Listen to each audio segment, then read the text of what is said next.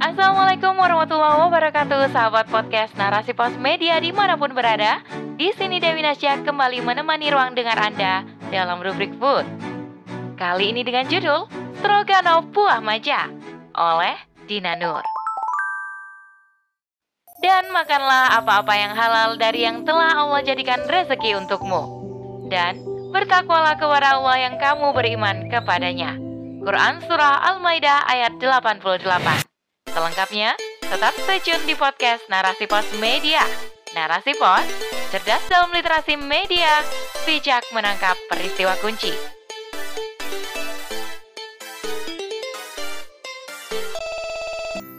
Kapan terakhir Anda makan daging? Daging sapi atau kambing ya? Bukan daging ayam atau ikan atau daging-dagingan. Bagi rakyat jelata seperti saya, makan daging itu bisa dihitung dengan jari loh. Apalagi di saat harga-harga kebutuhan pokok melambung seperti saat ini. Daging menjadi makin jauh dari jangkauan. Tak terbeli, membayangkan pun tidak berani. Saya dan rasanya kebanyakan rakyat Indonesia lainnya bisa menikmati santapan daging pada saat momen khusus saja. Hari itu adalah ketika Idul Adha tiba. Di momen spesial inilah, biasanya umat muslim melaksanakan kurbannya. Hewan kurban tersebut kemudian disembelih dan dagingnya dibagi-bagikan sehingga orang-orang bisa merasakan kebahagiaannya. Betapa indah ibadah yang diperintahkan oleh Allah sang pemberi rezeki. Di hari rayanan istimewa, semua merasa gembira. Kebahagiaan bukan hanya milik yang berkurban, tetapi juga bagi orang lain di sekitarnya. Berkahnya benar-benar melimpah. Kadang kalau ada tetangga punya hajatan seperti akikah, kita juga bisa ikut menikmati sajian daging kambing. Tak perlu repot-repot lagi mengolah, kita bisa langsung menyantapnya. Nasi kotak dengan gulai, sate, daging, acar, dan kerupuk udang, sungguh rezeki yang tidak boleh ditolak. Bisa juga ketika ingin masak daging. Eh, pas ada uang untuk membeli bahannya, tiba-tiba ada teman yang mentraktir makan di restoran yang menunya daging. Itu juga sangat mungkin terjadi ya. Nikmat mana lagi yang kau dustakan? Rezeki sudah ada yang mengatur. Meskipun kita tidak mengharapkan, namun bila sudah menjadi ketentuannya, siapa sih yang bisa menolaknya? Nah, bicara soal daging, khususnya sapi nih, ada sebuah masakan yang merupakan perpaduan resep dari barat dan timur. Namanya beef stroganoff buah maja. Wah, apa itu ya? Maja itu buah yang rasanya pahit kan? Bagaimana cara mengolahnya? Jadi gini, saya tahu ada makanan ini dari sebuah acara di televisi yang menampilkan petualangan dari desa ke desa di Nusantara. Terus, si host membuat masakan yang cukup unik dengan memakai buah maja dalam resepnya. Penasaran kan saya? Akhirnya saya perhatikanlah bagaimana dia mengolah stroganoff buah maja yang memiliki cita rasa lokal. Yap, beef stroganoff sendiri adalah masakan dari negeri beruang putih Rusia yang kini tengah berperang dengan Ukraina. Sesuai namanya, beef stroganoff berbahan dasar daging sapi yang diguyur oleh bumbu khas Rusia. Makanan ini mempunyai cita rasa yang gurih dan pedas. Aslinya di Rusia sana, beef stroganoff dimakan dengan kentang yang ditumpuk halus serta ditemani wine. Nah, kalau yang terakhir ini skip ya, karena haram bagi muslim. Sebagai gantinya adalah sari buah maja yang berkhasiat dan pasti halalnya. Masakan ini telah disesuaikan dengan lidah orang Indonesia dan tidak menggunakan wine dalam resepnya. Beef stroganoff ini menjadi seperti semur daging kurang lebihnya. Dimakannya bukan lagi dengan kentang tumbuk, melainkan dengan nasi. Tentu saja, sangat khas Indonesia yang belum afdal kalau belum makan nasi. Bahan-bahannya adalah berikut ya. Daging sapi, bawang putih, bawang bombay, paprika, tomat, wortel, buah maja, sari buah maja atau pengganti anggur merah, cabai rawit, cabai merah, seledri, gula pasir, garam, dan merica. Adapun cara pembuatannya, haluskan bawang putih dan tambah dengan cabai rawit. Potong wortel memanjang dan agak tebal. Potong daging buah maja berbentuk kotak atau dadu dan agak besar.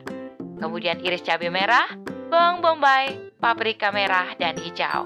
Rajang seledri dan tomat, panaskan minyak sedikit, kemudian tuangkan sari buah maja, diamkan sebentar lalu masukkan daging sapinya.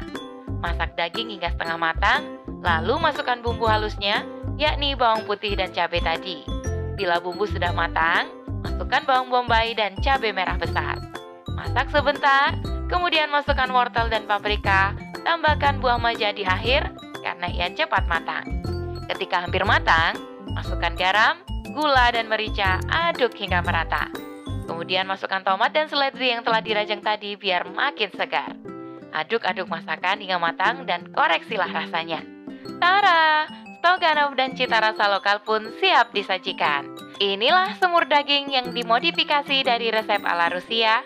Tak kalah lezatnya dengan beef Stoganov dari negerinya Om Putin itu loh ya. Baiklah, daging sapi sudah umum diketahui bahwa ia memiliki manfaat yang sangat banyak. Daging sapi termasuk daging merah dengan kandungan zat besi yang lebih tinggi dari daging ayam atau ikan. Daging sapi yang segar biasanya rendah lemak dan memiliki kandungan vitamin dan mineral yang baik untuk tubuh. Kandungan yang terdapat pada daging sapi adalah protein, lemak, kalium, fosfor, natrium, kalsium, zinc, magnesium, selenium, zat besi, vitamin B12, vitamin B6, niacin, riboflavin, retinol, tiamin, kreatin, dan beta-karotin. Dengan kandungan yang begitu banyaknya, maka tak mengherankan bila daging sapi sangat berharga. Di pasaran, harga daging sapi pasti lebih mahal dibandingkan ayam atau ikan kan? Menilai kandungan yang dimiliki, daging sapi tentu bermanfaat tinggi bagi kesehatan. Dari mengonsumsi daging sapi sendiri, bisa didapatkan manfaat sebagai berikut, yakni membantu pertumbuhan badan, menjaga kesehatan, memelihara sistem kekebalan tubuh, menjaga dan meningkatkan aktivitas otot, baik untuk pengolahan energi, bagus untuk kesehatan otak, berperan dalam pembentukan darah, dan mencegah anemia. Meskipun banyak manfaatnya, mengkonsumsi daging sapi tetap tidak boleh berlebihan. Apalagi, daging sapi hampir tidak memiliki serat sebagaimana yang ditemukan dalam buah dan sayuran. Vitamin C juga jarang ditemukan dalam daging sapi, bahkan mungkin tidak ada sama sekali. Padahal keduanya sangat penting bagi tubuh. Ya, memakan daging sapi terlampau banyak dan tidak disertai dengan gizi yang berimbang bisa meningkatkan resiko terkena gangguan kesehatan. Di antaranya adalah penyakit jantung, kanker usus, sembelit, peradangan, perubahan pada struktur rambut dan kuku, mudah mengantuk, mudah sakit, dan menghalangi penurunan berat badan. Ya, kembali ke buah maja. Buah maja ini disangka pahit, tapi ternyata manis loh ya. Selama ini, saya dan mungkin kebanyakan masyarakat Indonesia mengira bahwa buah maja rasanya pahit. Ini karena buah maja dikaitkan dengan kisah berdirinya kerajaan besar di tanah Jawa, yakni Majapahit. Ternyata, yang dikira buah maja dalam kisah itu bukanlah maja, melainkan buah berenuk yang sangat mirip. Kalau berenuk memang rasanya pahit, sedangkan maja justru rasanya manis dan baunya harum seperti jeruk. Buah maja termasuk tanaman yang kuat karena bisa tumbuh di suhu yang ekstrim, sangat panas, atau sangat dingin. Ia juga bisa tumbuh di berbagai jenis tanah. Buah yang bernama latin Eigi marmelos ini berasal dari Asia tropika dan subtropika. Habitat asli buah maja adalah di daerah Asia Selatan dan Asia Tenggara. Ia memiliki sejumlah nama, yaitu Bila alias Bali, Bael, India, Bilva, Bilwa, Kuvalam, Kovalam, Belly Fruit, Bengal Queen, Stone Apple, atau Wood Apple. Kulit buah maja berwarna hijau dengan isinya berwarna kuning atau jingga. Daging buahnya manis, bisa langsung dimakan atau diolah menjadi sirup, serbat, nektar, atau selai. Untuk kulitnya sendiri, bisa dibuat menjadi marmalade.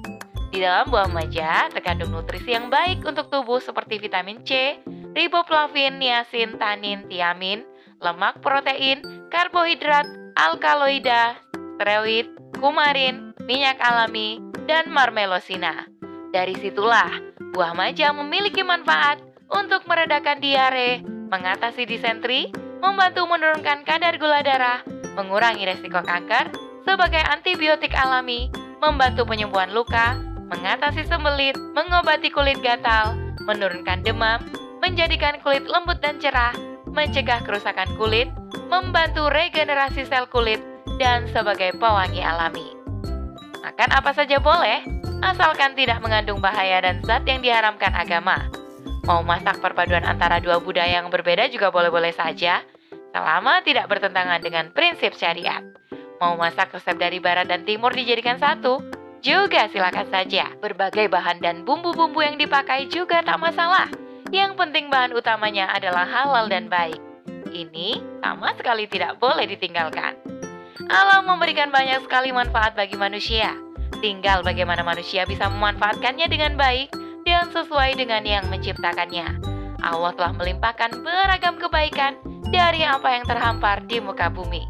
Dia juga telah memberikan petunjuk dalam melakukan setiap perbuatan yang berkenaan dengan semua yang ada, sebagaimana yang tersebut dalam surah Al-Maidah ayat 88. Dan makanlah apa-apa yang halal dari yang telah Allah jadikan rezeki untukmu. Dan bertakwalah kepada Allah yang kamu beriman kepadanya.